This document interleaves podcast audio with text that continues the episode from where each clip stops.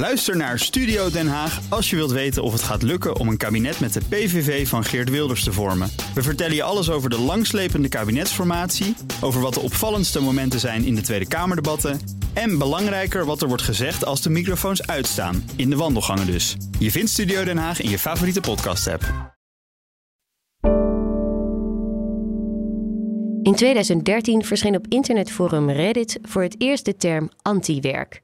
Zo heette toen een van de duizenden kleine fora op de site. Een plek waar mensen naartoe konden om hun baas af te zeiken of om over hun collega's te klagen. Maar tijdens de pandemie ontplofte het forum. Het ging in twee jaar tijd van 180.000 leden naar meer dan 1,6 miljoen. En de term antiwerk dook steeds vaker ook buiten Reddit op. Typ de woorden dream job in op YouTube en je vindt een stuw meer aan video's die juist dat idee van die dream job verwerpen. And today I wanted to have a little heart to heart on something that I think has been causing a lot of grief for many people, which is what exactly are you supposed to do with your career? And to jump right in with a piping hot take, I'm here to tell you that maybe you'd be better off without one. En mocht je nou denken, leuk, maar deze beweging is vast alleen online, dan heb je het mis. In Amerika namen zoveel mensen ontslag dat het The Great Resignation wordt genoemd. In America, 2021 has been the year of the Great Resignation, otherwise known as the Big Quit. Millions of Americans are leaving their jobs, over 4 million every month at the moment. It seems the pandemic has led many to rethink what they need. In China heb je de lying flat trend, waarbij jonge mensen massaal hun stressvolle baan opzeggen. En in ons eigen land hebben we te maken met steeds meer mensen, vooral ook jonge werkenden, die parttime willen gaan werken. En dat terwijl we tegelijkertijd kampen met een gigantisch personeelstekort. De behoefte aan mensen is enorm. Dus rijst de vraag: wat is er aan de hand met de arbeidsmarkt en hoe kijken we eigenlijk naar werk? In deze aflevering proberen we daarop het antwoord te vinden. Je hoort van mensen die gestopt zijn met werken en we praten met experts over wat het betekent om te werken in de 21ste eeuw. Dit is De Week Voorbij, de weekendpodcast van het FD. En mijn naam is Elfanie Toulaar.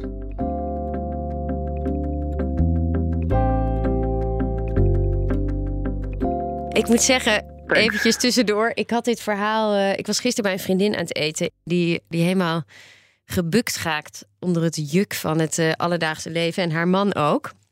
Mm. En ze hebben gelukkig wel veel geld. Maar ze twijfelen aan alles. En toen vertelde ik over dit gesprek en over dit onderwerp. En uh, dat jij uh, ook op sabbatical ging. Toen heeft hij jou meteen opgezocht op LinkedIn. En toen ging hij het lezen. En nou ja, nu willen ze ook op sabbatical. Ja, het maakt echt wat los op een of andere manier. Dat, ja. Het hangt zo in de tijdsgeest uh, dat mensen blijkbaar weg willen. of in ieder geval eventjes eruit of iets anders. Ja, dat ze dat dus nodig hebben. Journalist Wouter van Noord is een van die mensen die in ieder geval tijdelijk gestopt is met werken. Hij verkocht zijn huis, kocht een camper, nam onbetaald verlof en trok erop uit. Hij kwam op dat idee tijdens de coronapandemie, toen hij net als de hele wereld thuis zat en alles om hem heen was stilgevallen. Dan gaan mensen toch een beetje over dezelfde dingen nadenken allemaal. Namelijk dat oude normaal, dat zou uh, toch wel echt achter ons liggen. En uh, we zouden anders gaan leven, anders gaan werken, uh, andere prioriteiten gaan stellen. En je merkt eigenlijk nu uh, alle maatregelen weg zijn, dat de agenda meteen weer in standje burn-out staat. Uh, dat het leven weer in volle glorie begint, dat de rijen bij Schiphol weer helemaal dik zijn. Ehm, dus volgens mij is, is, dat al een helder teken dat als je echt wil veranderen, dan moet je iets doen om patronen echt te doorbreken. En uh, een van de manieren voor mij, lijkt mij, om patronen te doorbreken, is om even helemaal uit te stappen, even echt trossen los. Hij hoopt ergens achter te komen, een nieuwe weg te vinden. Maar hij heeft ook totaal geen plan. Komt wat komen gaat, is het motto. En de inspiratie daarvoor haalt hij uit het Taoïsme. Het is een Oosterse filosofische traditie die heel erg draait om de stroom. De stroom van alles, waar uh, alles een onderdeel van is en alles naar terug gaat. Het, is, uh, het heeft een beetje spirituele connotatie, maar het is eigenlijk een hele nuchtere uh, en op, op, wetenschap gebaseerde levensfilosofie. En een van de dingen die daar centraal staat is de term bu-wij. Niet doen, niet handelen, juist op je laten afkomen. Niet proberen te beheersen wat er op je afkomt, maar daarin mee te gaan. En daarmee proberen in een soort van flow te raken. En dat is natuurlijk de theorie.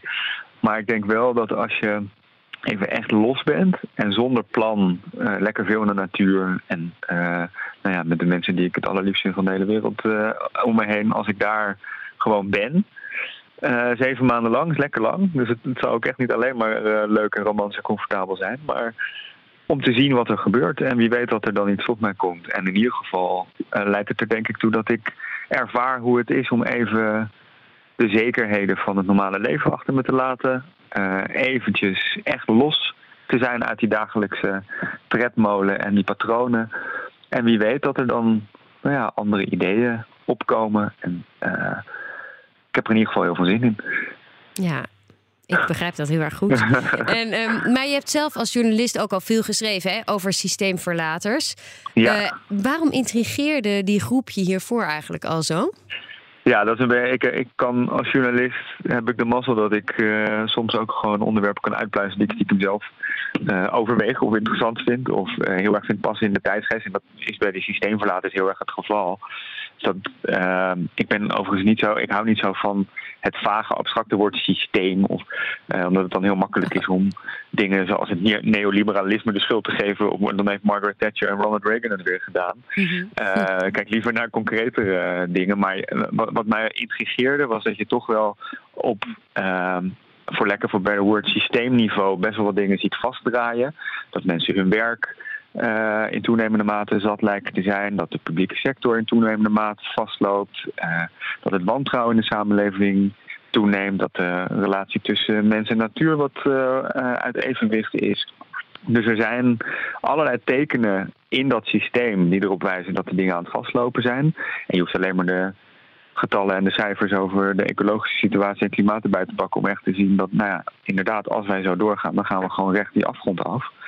Uh, en mensen die daar iets tegenover stellen, dus niet alleen maar erover lopen klagen of uh, vaag het neoliberalisme de schuld uh, lopen te geven, maar gewoon zelf pionieren met nieuwe manieren van leven. Bijvoorbeeld iemand die vanuit een camper leeft en werkt en door heel Europa trekt. Of iemand die samen met zijn partner ook zijn huis heeft verkocht, een zeilboot heeft aangeschaft en nu de wereld overzeilt op zoek naar duurzame oplossingen. Uh, mensen die bijvoorbeeld een regeneratieve boerderij starten, gewoon eigenlijk vanuit een hele andere carrière, maar om um, die voedselsystemen daar iets tegenover te stellen. En dat vind ik interessant. Mensen die niet alleen maar soort van cynisch uh, vaststellen dat we de afgrond ingaan, maar ook proberen bij te dragen aan iets anders. Het klinkt ook heel erg. Ja, wat ik net al zei, weet je, uh, ik denk dat mensen zich ook verheugen op jouw op onder andere jouw antwoorden. Maar je bent natuurlijk iemand die dat wel kan gaan vertellen straks. Want iedereen weet dan, oké, okay, het moet anders, maar hoe dan? Ja. Uh, tegelijkertijd, en dat uh, zie je natuurlijk ook om je heen... En, en wellicht word je daar ook wel op aangesproken... is er die krapte op de arbeidsmarkt. Ja. om het er maar even ja. over te hebben. Iedereen Ja. is keihard nodig. Ehm, Ja. Het is ook wel weer een beetje frustrerend eh, als allerlei mensen ineens allemaal eruit stappen en zeggen van Ja. sorry, ik moet anders he- helemaal anders allemaal. Ja. En anders zijn we weg. Nee, dat, eh, daar voel ik ook wel in mee. En ik vind ook wel dat, dat je als individu een verantwoordelijkheid naar het collectief hebt. Dus het kan inderdaad heel eh, hedonistisch overkomen om er gewoon even zeven maanden uit te stappen. Juist op het moment dat er dingen aan het misdraaien zijn. En tegelijkertijd ehm, vraag ik me wel af of ehm, we dan ook niet te veel denken in oplossingen in termen van meer. Iets extra's doen. eh, harder werken om problemen op te lossen. Terwijl ehm, volgens mij is een van de, eh, voor mij ook in die, in die zoektocht en een, eh, een van de vele interviews die ik heb gedaan de afgelopen jaren, de eye-opener is juist dat in een situatie zoals deze, waarin dingen vastlopen, vaak stoppen met iets veel beter werkt.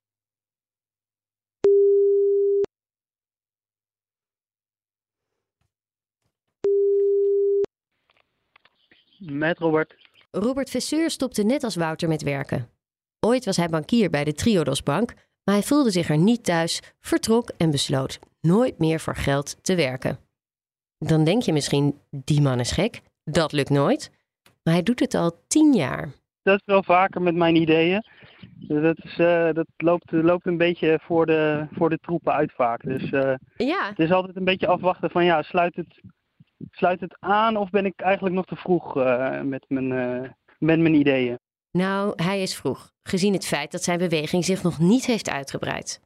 Maar hij is ervan overtuigd dat hij de juiste manier van leven heeft gevonden. Concurrentie, schuld, schaarste. Dat zijn eigenlijk de kernbegrippen van, van, de huidige, nou, van het huidige kapitalisme. Ja, het begon me steeds meer door te dringen dat dat gewoon echt overal in zit. Dus dat we als mensen ook tegen elkaar aan het leven zijn. Dat we steeds minder tijd voor elkaar hebben. Dat we steeds minder tijd voor de kinderen hebben. Dat we allebei moeten werken. Dat we dat het allebei nodig is om, om, om een huis te kunnen betalen. Nou, en, en, en dat het allemaal eigenlijk nog steeds extremer en extremer wordt. Tegelijkertijd groeide bij mij het, uh, de visie van de geef-economie. Dus juist een economie gebouwd op, op samenleven, samenwerken, uh, op vertrouwen, op overvloed. Um, en dus, en, en, kort gezegd, van, ik zag voor me dat alle, nou ja, de huidige economie bestaat uit allemaal kleine transacties, overal.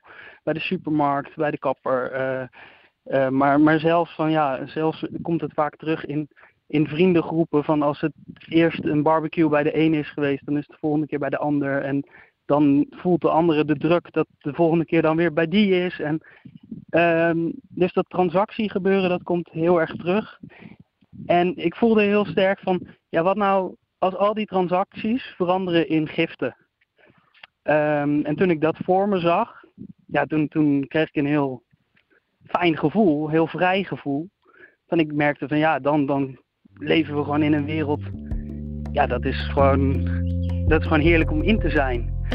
En dan is die druk er niet meer en dan is dit prestatiegebeuren er niet meer. Robert Vesseur gaf al zijn bezittingen weg, zegde zijn huur op en woont nu in een camper die hij van iemand kreeg. Hij trekt rond en leeft nu sinds een paar maanden in Portugal. Samen met zijn vrouw en twee jonge kinderen. Zijn vrouw, Petra, die deed trouwens ooit de Pabo.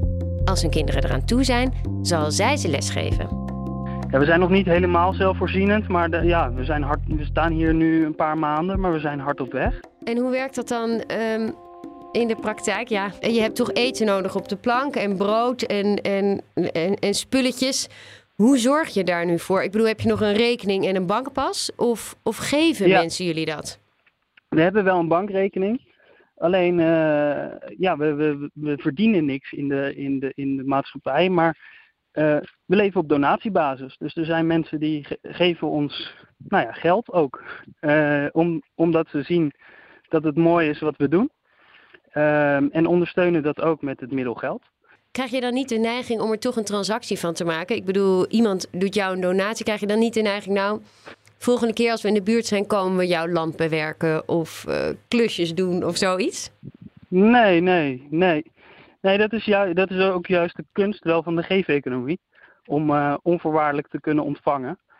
Ehm, maar dat is juist ook de visie dat, dat, ja, dat geven is on, zo onvoorwaardelijk moeten zijn. Ja, als het geven onvoorwaardelijk is, moet het ontvangen ook onvoorwaardelijk zijn. Robert en zijn vrouw zien dat de interesse in hun manier van leven groeit.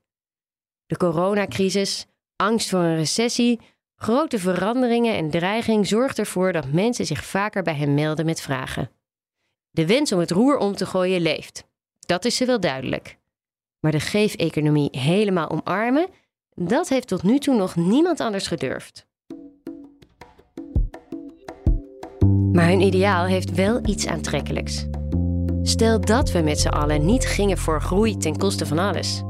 Als we de stress naast ons neer konden leggen en het juk van de dagelijkse praktijk konden afwerpen. Maar ja, tegelijkertijd is daar die harde realiteit. Personeelstekort is inmiddels overal. De krapte op de arbeidsmarkt. De spanning op de arbeidsmarkt. De spanning op de arbeidsmarkt is groter dan ooit. De krapte op de arbeidsmarkt geldt inmiddels voor. Het hele nieuws staat er bol van. Er zijn mensen nodig, krapte, enorme krapte. Eh, denk je niet af en toe van, hmm, ja, misschien moeten we toch weer gewoon aan de bak om te helpen die krapte bijvoorbeeld op te lossen? Nee, daar ben ik geen moment mee bezig. Nee. Ik, ik zie dat alleen maar als teken dat, dat het huidige systeem zichzelf aan het vastdraaien is.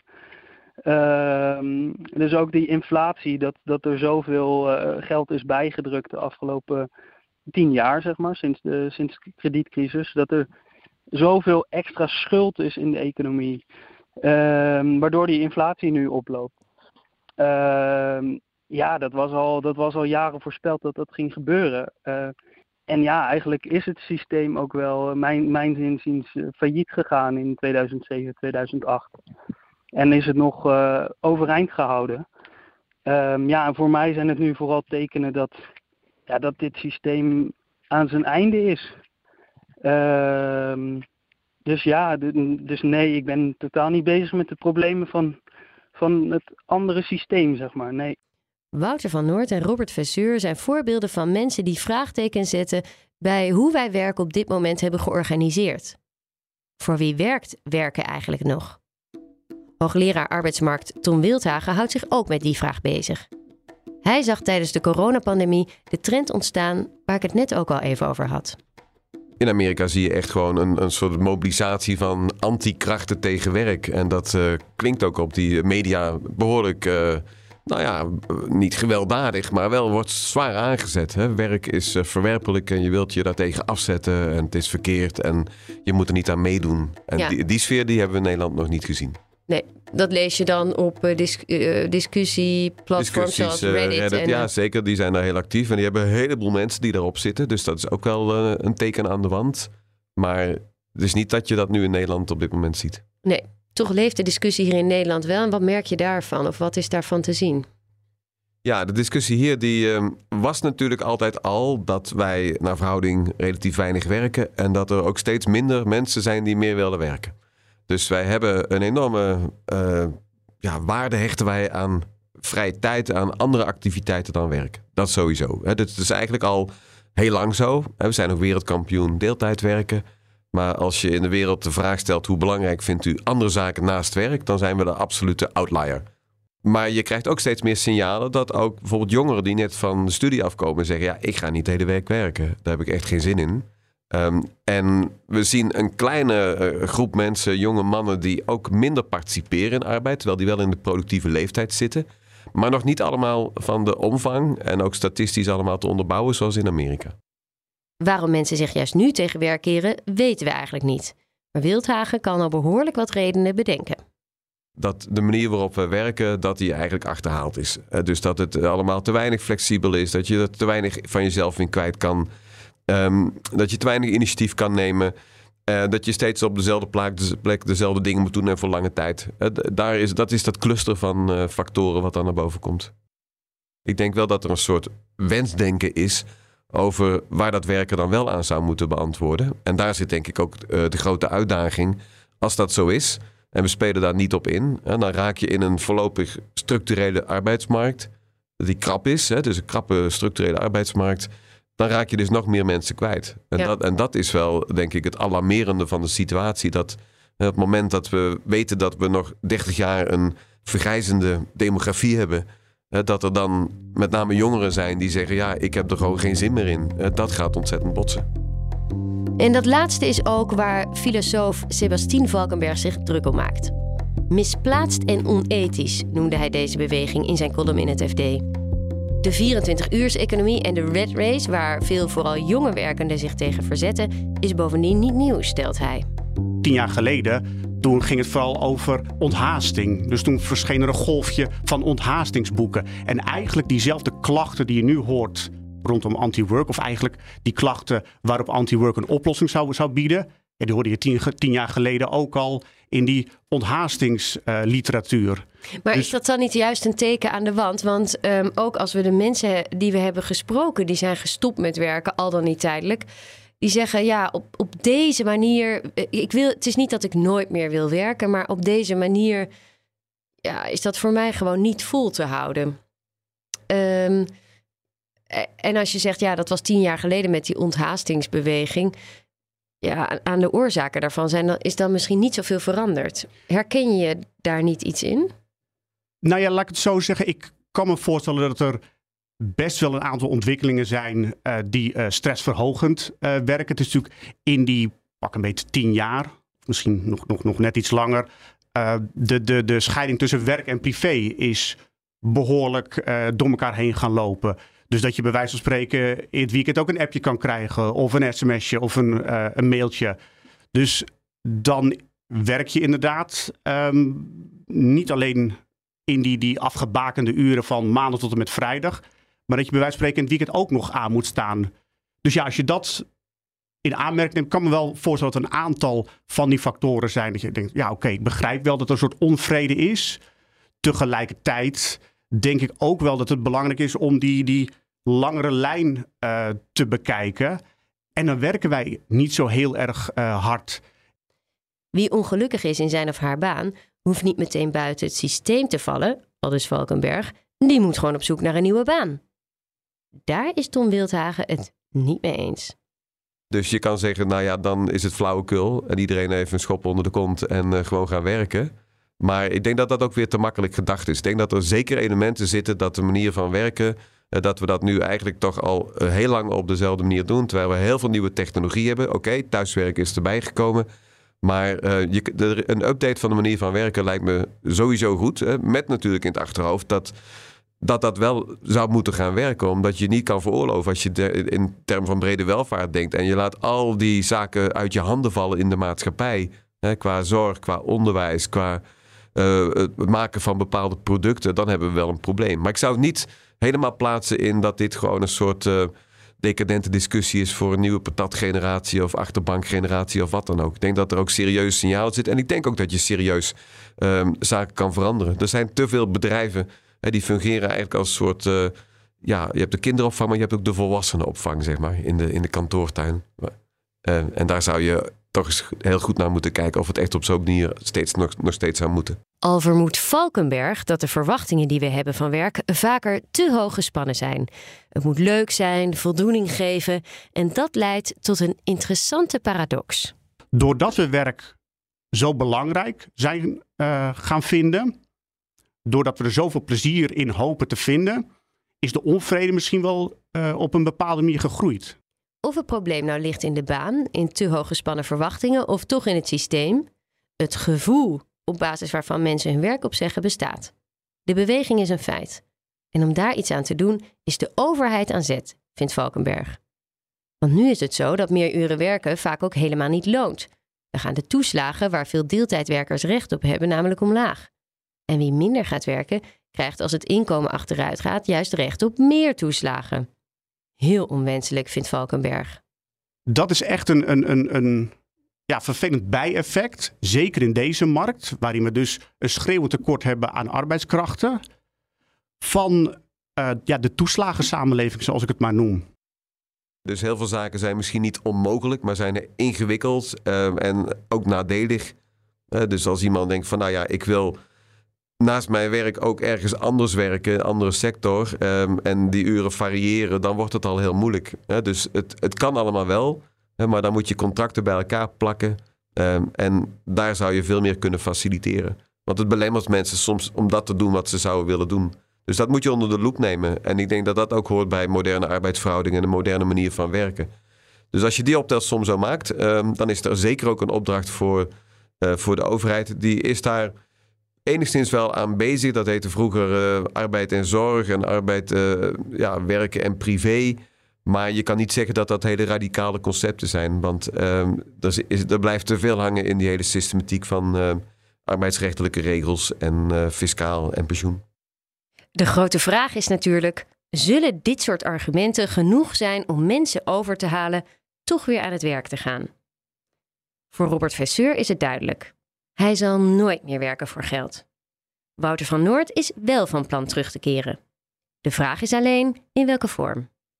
Nou, nou, wat zal het zijn? Een beetje richting de winter. Als het uh, ook in Zuid-Europa niet meer echt lekker is, dan uh, tuffen we een beetje terug. En uh, als het goed is, op die terugweg gaan we een beetje bedenken waar we, waar we weer gaan landen. En of dat in de stad is, of misschien wat meer in het groen. En waar in Nederland dan precies, dat weten we ook nog niet.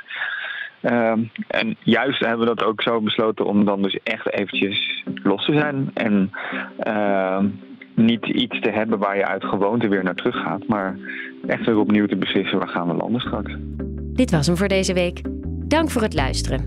Als je dit leuk vond, abonneer je dan even op deze podcast en zoek FD de Week voorbij op in je favoriete podcast-app. Volgende week hoor je van Frits Konijn. Hij sprak afgelopen zomer meerdere vrouwelijke sporters en wilde erachter komen hoe het stond met de gelijkheid, of eigenlijk ongelijkheid, in de sport en wat hieraan te doen is. De redactie van deze podcast is in handen van Yildo Bijboer en de muziek komt van Visionair Ordinaire. Wil je reageren op deze aflevering? Graag. Je kunt mailen naar podcast.fd.nl en je vindt mij ook op Twitter, Elfanie. Een heel fijn weekend en tot volgende week.